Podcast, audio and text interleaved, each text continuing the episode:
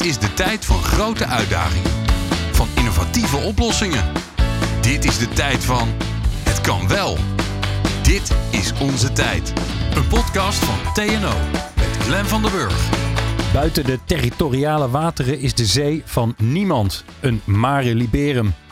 Nu zien we een toename van claims, concurrentie en conflicten die onder water plaatsvinden en onze welvaart bedreigen. Denk daarbij aan sabotage van pijpleidingen en digitale aanvallen via kabels die op de zeebodem liggen. Deze infrastructuur is van vitaal belang om veilig te kunnen leven en werken.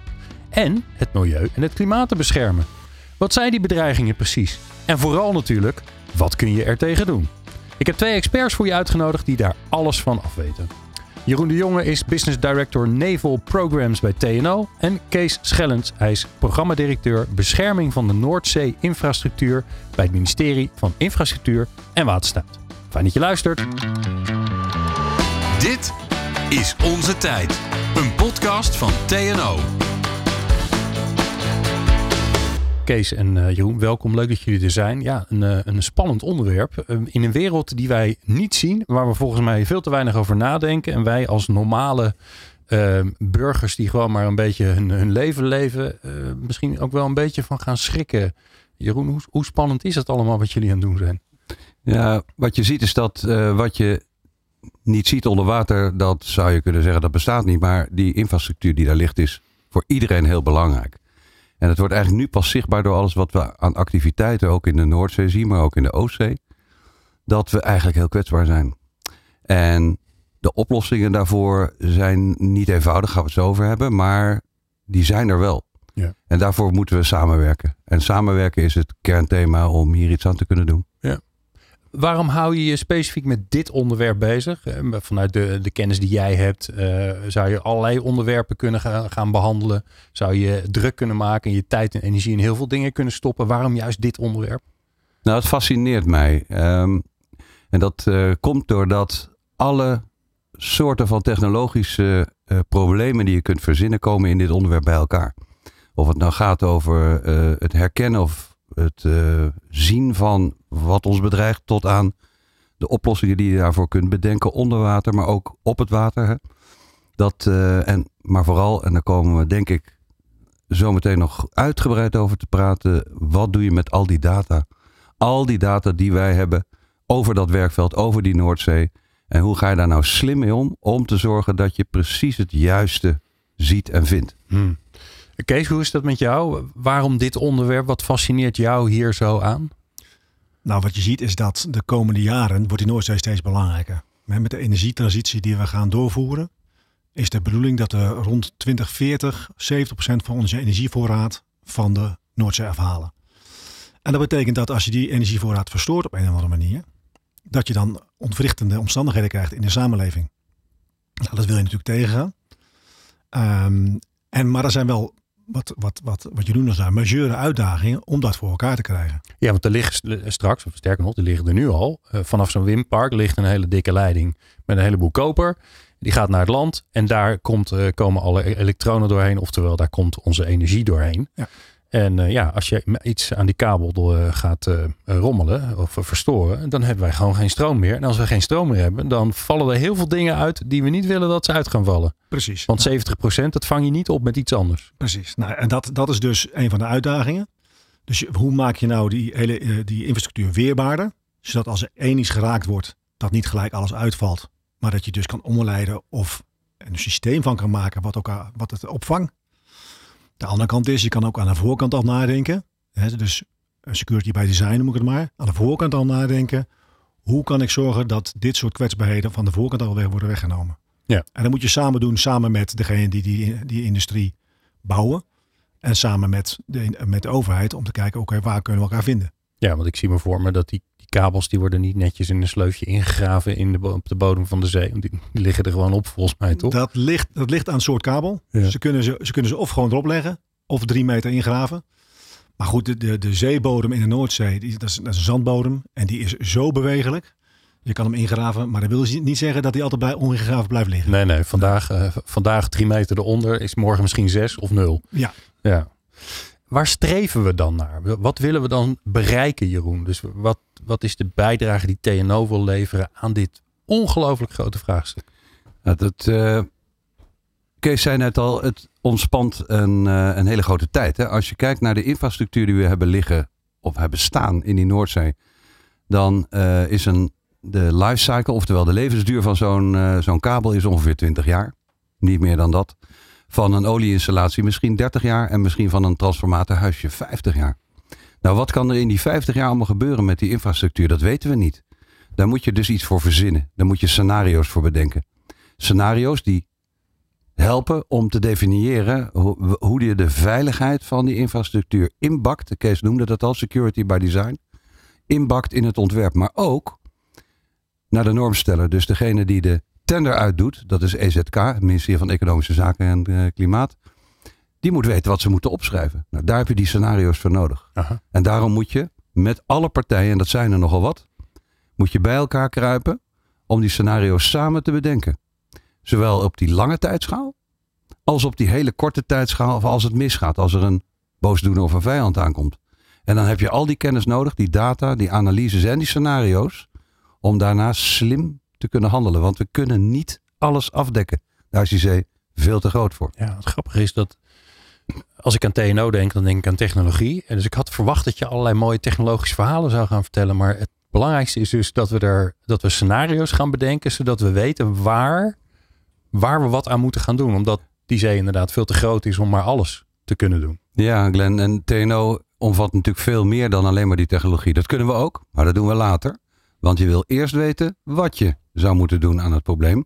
En dat doe je op grond van die analyse. En onze operationeel analisten bij TNO, dat is ook een hele grote club hoor. Ja.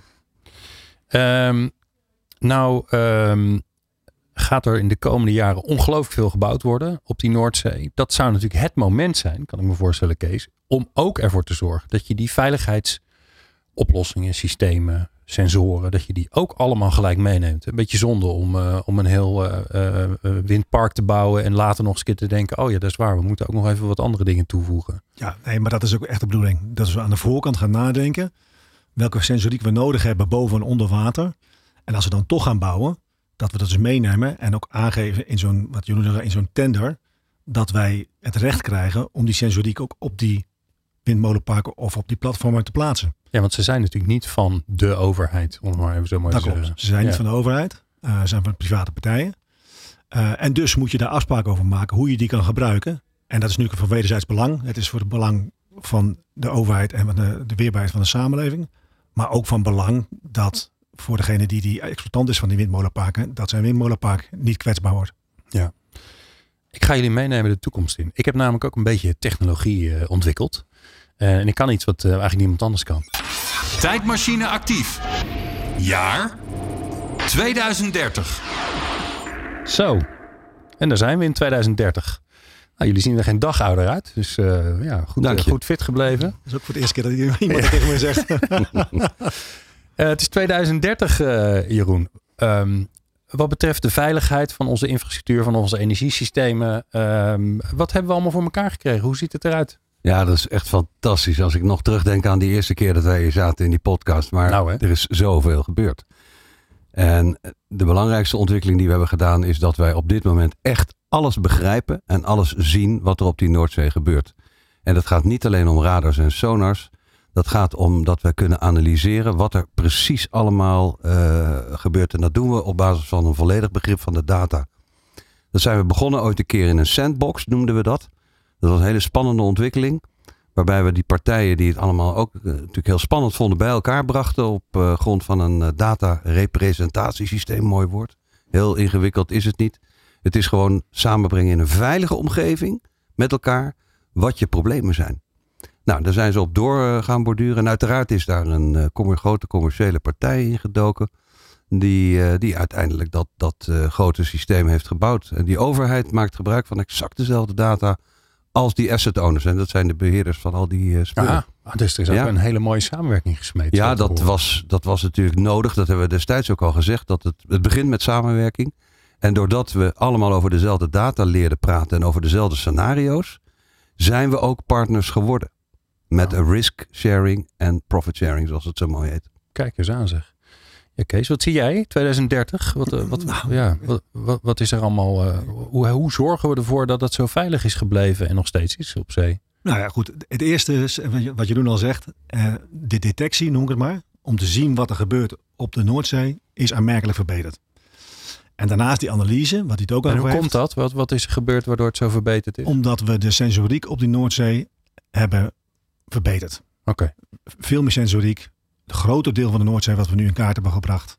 Maar ook daadwerkelijk die analyse hebben gemaakt. Oké, wat zien we nou daadwerkelijk? En dat is niet alleen maar van sensoren die door de overheid zijn geplaatst. Maar ook door private partijen die daar, sensor, daar data genereren. Ja, want ik kan me ook voorstellen dat, eh, dat het, hè, als we dat vroeger niet goed bedacht hadden, eh, dat het nu onmogelijk was geweest om vanuit mensenogen te gaan kijken van waar kijken we eigenlijk naar? Want al die data, dat is natuurlijk veel te veel om, eh, om analisten op te zetten. Ja, nou ja, daar moeten we dus bij geholpen worden. En zo'n zo'n zo'n sandbox eh, idee, dat helpt erbij. Door, die, door geautomatiseerd die data te analyseren. Maar dan ook dan te weten waar je naar kijkt. En dus ook een reactiecapaciteit daarop los kan laten als je wil. Aha. Dus je kan ook gaan kijken met de kustwacht bijvoorbeeld. Is dat nou wat we nu zien met die data? Klopt dat nu? Moeten we even een onderzoek eh, gaan doen of dat daadwerkelijk ook zo is?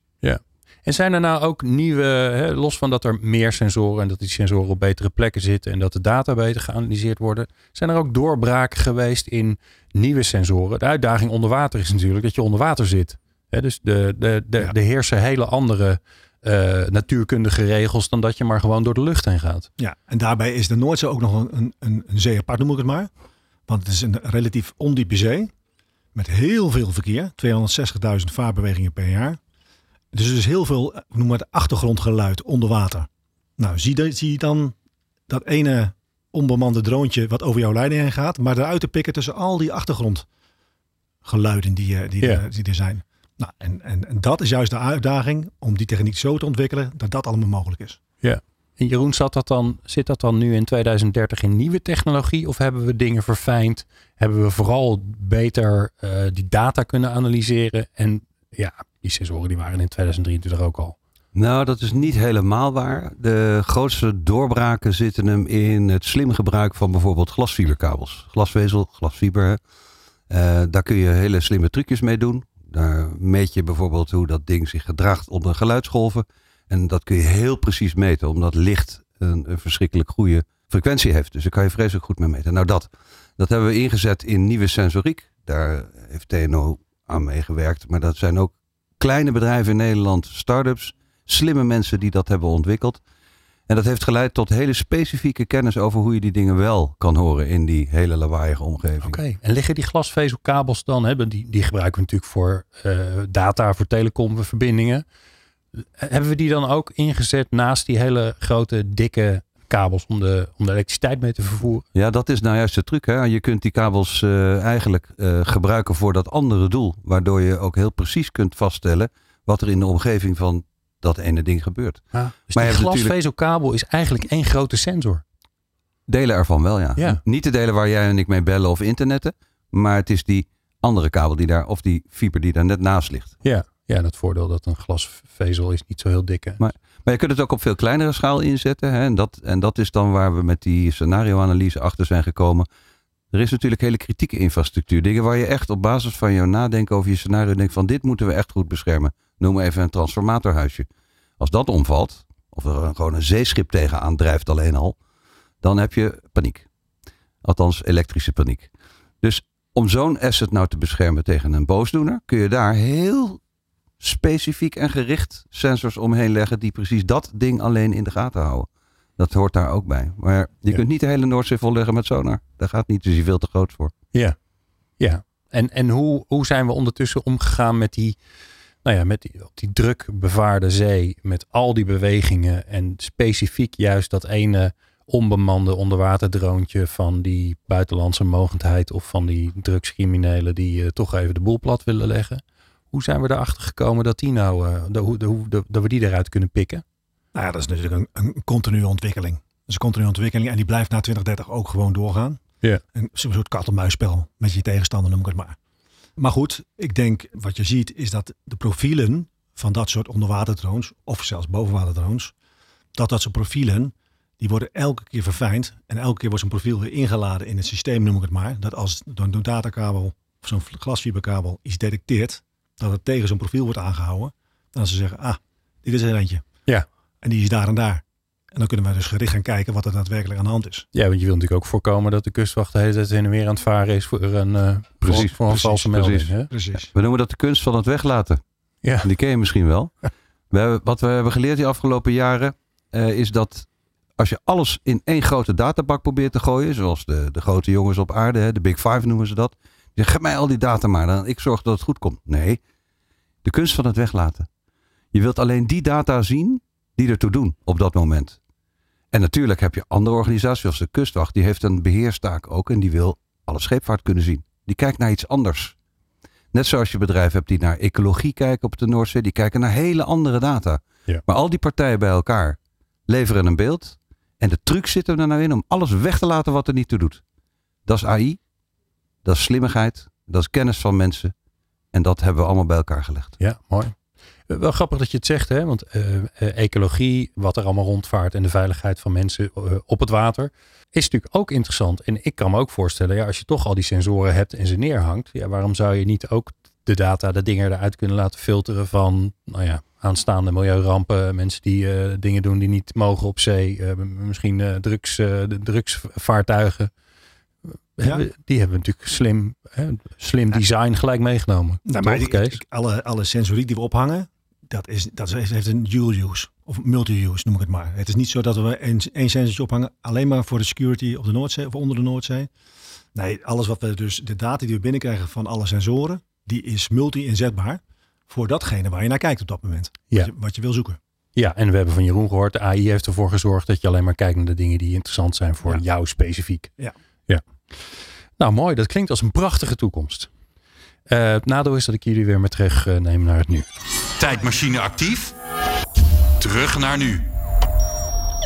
We zijn weer in 2023. Je zijn niet jonger geworden helaas. Ja, sorry. Dat kan niet alles. Wat zie je nu al gebeuren vooruitlopend op dat prachtige scenario in 2023? Dus wat, wat wordt er nu allemaal al gedaan wat je kunt vertellen? Want ik kan me ook voorstellen dat, je, dat er dingen zijn eh, die eh, de tegenpartij niet, niet mag weten, Jeroen. Ehm, nou, een van de ontwikkelingen die, althans, eh, eh, de TNO waar ik natuurlijk namens spreek, die echt grote vlucht aan het nemen is, is autonomie. En als je aan vijf mensen op straat vraagt wat dat betekent, krijg je vijf verschillende antwoorden, misschien wel tien. Maar het gaat erom welke delen van een missie of van een schip of van een vliegtuig of, kun je werkelijk autonoom maken. Oftewel, je stuurt hem op pad, je geeft hem een opdracht, of haar, geeft hem een opdracht en dat systeem doet precies die taak, maar verandert ook het handelen als de omstandigheden veranderen. Dat is echte autonomie.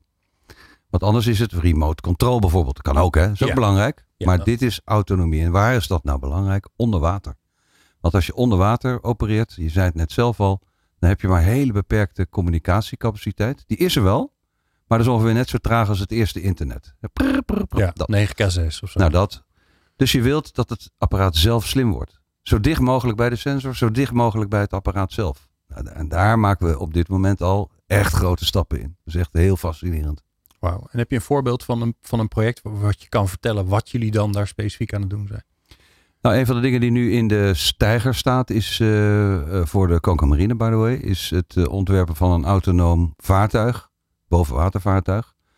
Daar begint het eh, vaak mee om taken te doen die eh, bijvoorbeeld langdradig zijn, of een beetje, een beetje gevaarlijk zijn, of waar je eigenlijk gewoon liever geen mensen aan boord wil hebben. En eh, daar speelt die autonomie een grote rol in. En dat is, het, dat is iets wat Defensie graag zelf wil doen. En dat leggen ze dus bij TNO neer. Ja, wat ze zelf willen ontwikkelen dus. Natuurlijk, ja, Ja. Want daar zit ook het denken van de, van de militair-maritieme omgeving zit daarin. Kees, wat, wat, eh, wat wordt er nu al ontwikkeld? Want eh, ja, ja, zoals, ik, zoals we al net al zeiden in 2030, ja, er wordt tussen nu en 2030 en daarna zeker ook nog, worden natuurlijk enorm veel windparken gebouwd. Wat gebeurt er nu al in het meenemen van nou ja, het, aan, het aanbrengen van de sensoren, het ma- maken van afspraken daarover? Ja, nou ja, waar wij op dit moment in het programma mee bezig zijn, is het opstellen van een actieplan. Hoe wij die infrastructuur op de Noordzee beter kunnen beschermen. En we hebben een aantal actielijnen op die, eh, eh, in het actieplan. Uh, en het is de verwachting nu dat eind van het jaar het actieplan klaar is en dat het uitkomt. En dat alle projecten die erop staan, alle, alle effecten die we willen bereiken, dat die in de komende jaren dus daadwerkelijk stappen gaan maken om al die doelstellingen te bereiken die op die actielijnen staan. Ja. Uh, zit daar dan ook die samenwerking in die dan zo belangrijk is? Want ja. wat natuurlijk een enorme uitdaging is op die Noordzee. Ja, een van de actielijnen is samenwerking. Dus samenwerking tussen departementen zelf, maar ook... Ja, wat altijd al een uitdaging is. Wat al een uitdaging is, absoluut. Maar als je kijkt naar publiek-private samenwerking, dat is een hele belangrijke. Nou, daar had Jeroen het net ook al over. Dat is echt een hele belangrijke. Die willen we versterken. En samenwerking met onze bondgenoten. Dus andere Noordzeelanden, maar ook met de NAVO, met de EU. Uh, dat, die hele samenwerking loopt als, als, als een rode draad door het programma heen. Ja, ja die, die laatste lijkt me heel interessant natuurlijk. Want dit probleem waar wij mee zitten, daar zitten alle onze omringende landen zitten daar natuurlijk ook mee. Correct. En die hebben ook de aanwezigheid op het water op de Noordzee. Ja. Met de, hun eigen marine. Ik bedoel, wij hebben al een flinke marine, maar de Engelsen hebben natuurlijk nog, uh, nog veel meer rondvaren. Ja, maar wat je, wat je ziet is dat onze capaciteit die we bij de marine hebben en de Engelse marine, als je die niet gericht inzet, dan heb je nog een hele kleine marine, om zo maar te zeggen. Want die zee is heel groot, alleen al de Noordzee. Ja. En de, de marines zijn natuurlijk niet gebouwd om op onze Noordzee rond te dobberen. Die gaan wereldwijd, gaan ze de wereld over, om daar de belangen van Nederland of van Europa te behartigen. Ja. Dus je, je hebt ook misschien niet altijd een vaartuig in, in, in, in Nederlandse wateren die beschikbaar is voor jou. Dus je moet nadenken hoe je dat anders kan opvangen. Ja, want dat is natuurlijk ook de vraag. Hè. Stel je voor dat je dan met je sensoren dat je inderdaad oppikt dat er een dat iets gebeurt wat je niet wil dat er gebeurt. Ja, dan heb je wel capaciteit nodig om uit te varen en überhaupt, nou, als het onder water is, om onder water iets te doen. Ja. Maar dat is ook nog een uitdaging. Nou ja, dat wordt een uitdaging inderdaad. Dat je dus voldoende capaciteit hebt, zowel vliegend als op het water, als eventueel onder water, om daarop te kunnen reageren. Moeten daar ook speciale vaartuigen voor ontwikkeld worden? Want ik kan me voorstellen dat als je inderdaad zo'n ja, ik bedoel, er, er zijn uh, onderzeebootjagers, weet ik van, uh, van vroeger, van zeeslag. Uh, maar, maar als ze heel klein zijn, ja, dan heb je toch weer andere technologie, maar ook misschien wel andere wapen, wapens nodig om, om te zorgen dat je dat kan bestrijden. Ja, zover zit ik niet in de materie. Jeroen, weet jij dat? Die, ja, die ontwikkelingen die... Het is altijd handig om te zeggen, ja, dat weten we wel, maar dat mogen we niet. Ja, nee. nee ja, dat, kijk, er zitten natuurlijk aspecten aan die je niet zo heel even 1, 2, 3 wil vertellen. Maar je zei echt terecht al van de dreiging zit of boven of op of onder water. Je, wat je wil inzetten zit in die drie dimensies. En de crux zit er natuurlijk in om te zorgen dat je snel ter plekke kan zijn als er wat gebeurt. Of je moet zorgen dat je heel erg lang van tevoren kunt anticiperen. Daar komt die data weer naar voren. Ja. zie ik het op tijd, krijg ik uh, intel, hè, dat is intelligence, inlichtingen van mijn partners. Heel interessante vraag. Ja. Gaan die alles met Nederland delen? Uh, en is dat op tijd? Nou, dat spel samen, dat is eigenlijk wat uh, ja, de, de onze belangrijkste partner zeg maar, van TNO, al zo'n 500 jaar doet. Meer dan dat. Dat spel verandert niet, de technologie wel. En daar uh, heb je dus een, een belangrijk punt te pakken. En ik denk dat het snel ter plekke hebben van reactiecapaciteit op basis van wat ze dan heet gevalideerde informatie. Hè? Want je, anders ren je als een kip zonder kop over de Noordzee. Gevalideerde informatie, dat wordt de crux. Ja. Wat mooi is natuurlijk, is dat uh, we hebben TNO aan tafel, we hebben het ministerie aan tafel. Uh, er zijn natuurlijk ook ondernemers, zoals altijd. Hè? Als er ergens een vraagstuk is, dan zijn er ondernemers mee bezig. Um, ja, en die uh, ontwikkelen allemaal prachtige dingen. Dit is de tijd van het kan wel. Dit is onze tijd. Ja, want die ondernemende mensen die hebben er altijd voor gezorgd dat onhaalbare of soms wel eens onmogelijke dingen ineens wel mogelijk bleken. En ook in deze aflevering van Dit is onze tijd hebben we een korte pitch waarin Ruben Kalesvaart, hij is managing partner bij De Haas Shipyards, vertelt wat zij bijdragen en bedacht hebben. De bescherming van onze kritieke infrastructuur op de Noordzee staat onder grote druk. Op het scheidingsvlak van asset owners en nationaal belang is het tijd om de handen ineen te slaan. Vanuit een gezamenlijk ecosysteem van overheid, kennisinstellingen en de industrie kunnen we met gebruik van maritieme high-tech, zoals sensoren en onbemande vaartuigen, een volledig beeld opbouwen van wat er op de Noordzee gebeurt. Deze systemen kunnen tevens worden ingezet ter beveiliging van onze assets en infrastructuur. Onbemand varen heeft dan ook de toekomst, daar waar de dreiging groot is en continue aanwezigheid en efficiëntie noodzakelijk zijn. De Haas Shipyards heeft al jarenlang ervaring met de bouw en toepassing van high-tech onbemande vaartuigen, zoals deze bij marines en commerciële bedrijven zoals Fugro al in gebruik zijn op de Noordzee.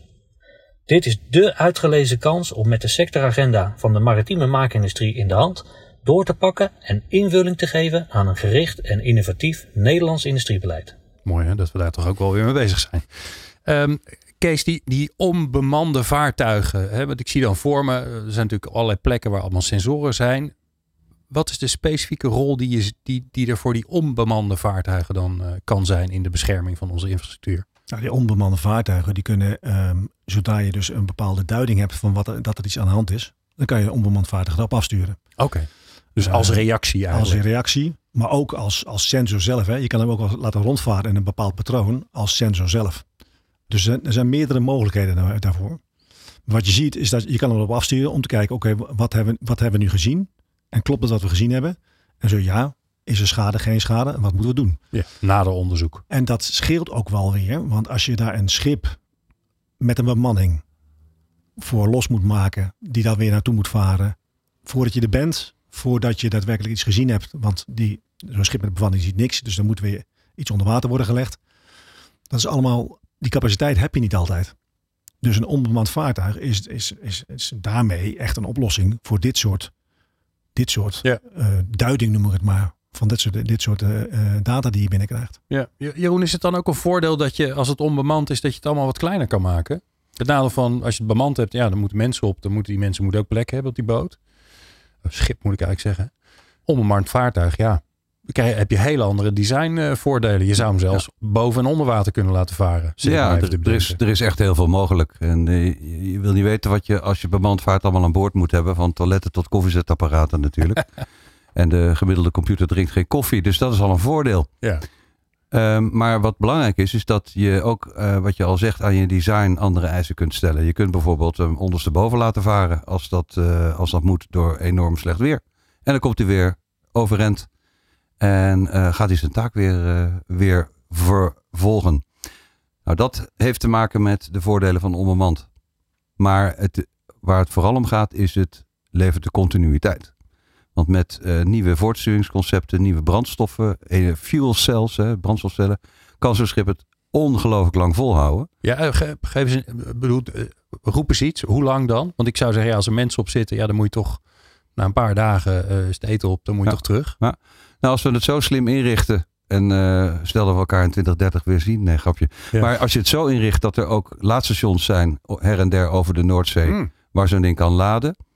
Uh, dan is het net alsof je met je elektrische auto opstapt. En alleen hij is een stukje groter en er zit wat meer batterijcapaciteit in. En hij kan zijn eigen energie maken met een fuelcel.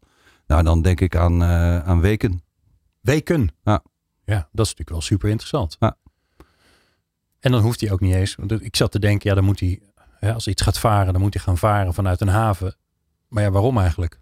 Dat hoeft ook niet meer. Hij kan natuurlijk ook gewoon bij zo'n windmolenpark ergens lekker liggen. Ja, en hij houdt zichzelf in de gaten. Dus als hij ziet dat er iets uh, aan het slijten is, dan kan die zeggen van los mij maar af door de nummer 2 of nummer 8. En dan gaat hij zelf terug naar een dockingstation waar hij zich laat nakijken. Ja. Aan de andere kant zit ik ook te denken, ja, als dat ook allemaal nog eens een keer rond gaat varen. Naast al die schepen die er rondvaren, waar wel mensen achter het stuur zitten. Dat wordt misschien, dan wordt het dus nog veel drukker op die Noordzee.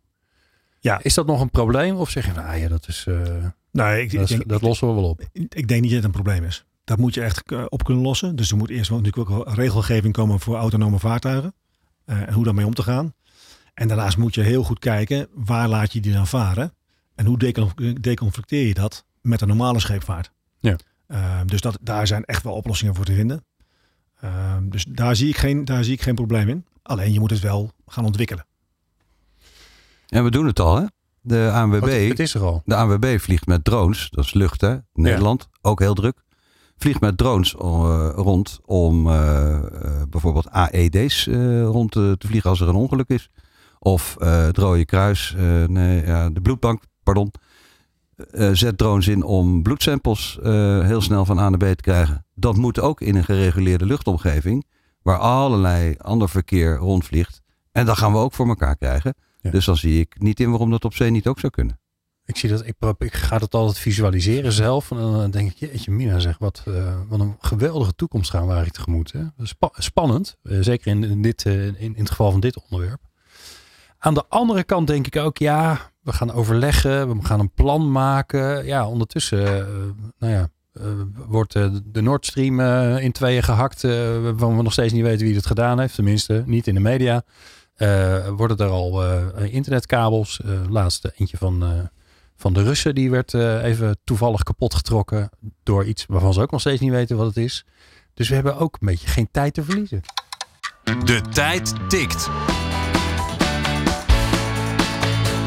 Dit is onze tijd. Ja, en omdat eh, ehm, de tijd tikt, gaan we het hebben over de versnelling. Wat is er nodig? Ehm, en in elke aflevering doen we dat eigenlijk door eh, de toekomst zelf, dat zijn namelijk jonge mensen, te vragen eh, om een vraag te stellen aan onze studiogast. In dit geval is dat eh, de young professional Imke van der Schoor. Ze is trainee bij TNO. Dus laten we even naar haar vraag luisteren. Het beveiligen van de kabels en leidingen in de Noordzee klinkt als een erg complex proces dat waarschijnlijk meerdere jaren zal duren. Tegelijkertijd zien we wel dat er nu al dreigingen zijn. Daarom ben ik benieuwd wat we naast het investeren in de lange termijn oplossingen nu al kunnen doen om op korte termijn de kabels en leidingen beter te beveiligen. Ja, Kees, wil ik even bij jou beginnen? Want jij vertelde nu al van ja, we zijn al heel druk bezig. We zijn aan het overleggen. We zijn een plan aan het maken. Ik denk ja, ja, maar een plan, daar worden die Russen niet bang van. Eh, op korte termijn. Of die, eh, die eh, internationale drugssyndicaten. Dus eh, ja, maar hoe zorgen we ervoor dat we nu al eh, kunnen zorgen toch dat we iets veiliger zijn dan dat we gisteren waren? Ja. Nou, op, de, eh, op de, een van de, de actielijnen die, eh, die we uitlopen, de beeldopbouw waar ik net al over had. eh, daar zijn we nu al bezig. Daar hebben we een plan voor klaar, voor klaar liggen. Om de, de data die er nu zijn, om die al bij elkaar te gaan brengen. Om die al te kunnen analyseren. Ja, want het is niet zo dat er nu nul sensoren Nee, natuurlijk er zijn al heel veel sensoren op de Noordzee. Alleen niet alle delen van de Noordzee zijn afgedekt. Dus we hebben echt wel blinde vlekken, om zo maar te zeggen. Maar we kunnen de data die we nu al hebben, die kunnen we bij elkaar brengen en verrijken. En dan die duidingen gaan maken. En dat is de eerste stap die we moeten maken. En dat kunnen we op relatief korte termijn. Als er geld van vrij wordt gemaakt, dan kunnen we op relatief korte termijn kunnen we dat gaan Ik inregelen. hoor een kleine als. ja, volgens Ja, mij. dat is altijd. Ja, dat is draait- altijd- het draait om geld en capaciteit. Ja, ja. Ja. Alright. Ehm, het, het- want je zegt ook, er zijn een aantal eh, eh, blinde vlekken nog op de Noordzee. Wordt er dan op dit moment ook al bijgebouwd? Worden er sensoren geplaatst? Is dat een soort ongoing business die gewoon altijd plaatsvindt? niet ongoing business. Er worden wel sensoren bijgebouwd. En dat is niet alleen maar voor, de voor de beeldopbouw die wij graag willen. Maar wat, eh, wat Jeroen ook al zei, voor ecologische omstandigheden of voor KNMI en zo, dat soort dingen. Ja. Dus daar wil je mee fietsen. Maar er moet, er moet nog echt wel een slag worden gemaakt om die beeldopbouw te verbeteren. En die sensoriek op de Noordzee te verbeteren. Ja. En daar moeten we echt nog wel een slag van maken de komende jaren. Eh, ja, en dat, dat hangt ook nauw samen met een ander programma wat er loopt. Is het Digitalisering Noordzee programma. Eh, wat op dit moment ook nog eh, eh, in de planfase zit. Waarin ze dus kijken, oké, welke sensoriek hebben we in de toekomst nodig om zowel beveiliging als ecologie als scheepvaart beter in beeld te krijgen. Ja. Nou, en dat zijn, dat, zijn, dat, zijn, dat zijn initiatieven, dat zijn programma's die in elkaar vallen, om zo maar te zeggen, die elkaar kunnen helpen. Ja. En daar, daar kan op korte termijn kunnen we daarmee beginnen. Eh, wat ik al zei. Eh, die plannen zijn er. En daar moeten we gewoon eh, stappen mee gaan maken. Jeroen, Nou, er er korte zijn- termijn. Dus je jij, jij bent in je sandbox natuurlijk bezig. Ja, sowieso. Maar er zijn een paar dingen die. eh, ik, ik vind de vraag van Imke heel interessant. Het moeilijke woord van de dag is attributie. Een tegenstander zal proberen om eh, zonder dat hij gepakt wordt, dingen te doen. Dat, en het attribueren, dat betekent, jij hebt het gedaan. Ik zie wat je doet, joh. Dat is attributie. Als je dat wil voorkomen, dan moet je in de gray zone een beetje zo opereren. Een beetje lekker stiekem. Attributiekans verhogen, pakkans verhogen. Je kan eh, hier op de snelweg hier naartoe. Er zijn hele stukken waar je gewoon 130 kan, heb ik me laten vertellen van een vriend. Ja. Maar je pakkans, als je die wil laten toenemen, dan heb je dus meer sensoren nodig misschien. Maar ook een veel beter eh, databeheer. en ik denk dat eh, als je eh, dat nu op dit moment samenvoegt, dat je dan al een, eh, een heel eind kan komen. Door, Maar hoor je eh, ook zeggen, Jeroen, het is mooi om meer sensoren te hebben. Maar zolang we die beelden niet hebben van wat, wat is dit eigenlijk? Hè, dus die data die dan zegt van ja, nou, oké, maar dit is gewoon Ja. een vrachtschip. Ja. Hoef je geen zorgen over te maken. Nee. Er is een vrachtschip die doet iets raars. Of er komt iets uit het vrachtschip. Dat heb je nodig. En pas Ja. als je dat hebt, dan heeft het eigenlijk pas zin om ja, meer En- sensoren te hebben. En dan nog twee dingen. A, je moet weten wat de intentie van die tegenstander is. Want misschien kijken we wel naar iets volkomen verkeerds. Hè, dat onderzoeksschip van de Russen wat laatst op de Noordzee was, lag misschien wel expres boven die kabels, maar was misschien wel met iets heel anders bezig. Interessant. En het tweede waar we echt morgenochtend mee zouden moeten stoppen, is alles publiceren op internet wat er op die bodem ligt. Ik verbaas me daar zo over. Of het wordt gewoon Je kan, braaf. je kan bijna alles wat op de Noordzee tot op de centimeter nauwkeurig terugvinden op internet. Waarom? Ja, dat lijkt me mm, toch redelijk handige informatie om te hebben. Ja, ja. Ja, als je moet gaan zoeken naar die kabel, Ja. dan ben je toch wat langer bezig. Nee, precies. Dus laten we afspreken dat voor de niet-kritische infrastructuur waar je tenders of vol uit, dat allemaal prima. Maar de dingen waarvan de Nederlandse overheid zegt, dit vinden wij belangrijk, zet het in hemelsnaam achter een, eh, achter een eh, firewall of een, nee, niet een betaalmuur, dat zou slecht zijn. Ja. Want geld heeft hij zat. Nee, want je begrijpt wat ik bedoel. Ja, ja, dus niet goed. alles delen altijd maar met iedereen. Ja. Ja. Ja. dat lijkt me een eh, makkelijke manier om winst te behalen. Nee, maar dit is ook een van de delen in, in ons programma. Dus het, het bekijken welke investeer is er, welke is heel kritisch. Ja. Ehm, en, en wat kunnen we vrijgeven, ja of nee, voor de, voor de safety van, de- van, de- van de scheepvaart bijvoorbeeld. Maar bepaalde zaken hoef je helemaal niet te delen met iedereen. Eh, en daar moeten we echt veel kritisch op zijn. Ja. Dat, bewustzijn, dat bewustzijn moet echt worden verbeterd. Hebben we hier nog een, eh, een, een menskrachtprobleem? Is dat ook nog een uitdaging? Nou, ik denk het wel. eh, maar niet zozeer de arbeidskrachten of zo. Ik denk dat het slim combineren van de aanwezige workforce die eh, die taken nu al probeert uit te voeren. Dat je die eh, misschien wel moet uitbreiden. Hè. Er zullen best wel wat eenheden bij moeten. Maar het belangrijkste is dat die mensen tijd moeten gaan inruimen. Dat is ook capaciteit. Om met elkaar te gaan samenwerken. Ja, ja. En dan zijn we toch weer terug bij het begin. Dat vereist inspanning. Want je moet inderdaad, ja, Sandbox zei je net, dankjewel. Daar zijn we in december mee begonnen. Maar daar, daar moet je dus tijd voor inruimen. Want aan het eind van de rit gaat jou dat tijd opleveren. Maar vooral ook effectiviteit. Ja. Dus daarom zou mijn pleidooi zijn. Ruim er tijd voor in. Ministeries. Maar ook de asset owners. En ook de, be- bijvoorbeeld de Fugo's van deze wereld. Zonder reclame te willen maken. Maar haal die bedrijven bij elkaar. En eh, ja, bied ze dan ook eh, die business case. Hè, want zij worden er ook beter van. Ja, en het gevaar is dat eh g- grootscheeps in actie gaan komen als het een keer echt heel erg misgaat. Ja. En dan zijn we eigenlijk te laat. Nou ja, precies. Mooi. Nou, laten we hopen dat dat niet gebeurt. En sterker nog, jullie gaan je er eh, ongelooflijk hard voor maken om Zeker te weten. voorkomen dat het gebeurt. Eh, dank voor het inkijkje in dit, eh, ja, magische, deze magische onderwaterwereld. eh, Graag waar we niet zo heel vaak komen. Eh, Jeroen de Jonge hoorde je, Business Director Naval Programs bij TNO. En Kees Schellens, hij is programmadirecteur Bescherming van de Noordzee-infrastructuur bij het ministerie van Infrastructuur en Waterstaat. En jij natuurlijk, dankjewel voor het luisteren. Dankjewel voor het luisteren naar Dit is Onze Tijd. Een podcast van TNO. Wil je meer weten of luisteren? Ga dan naar tno.nl slash podcast Dit is Onze Tijd. TNO. Innovation for Life.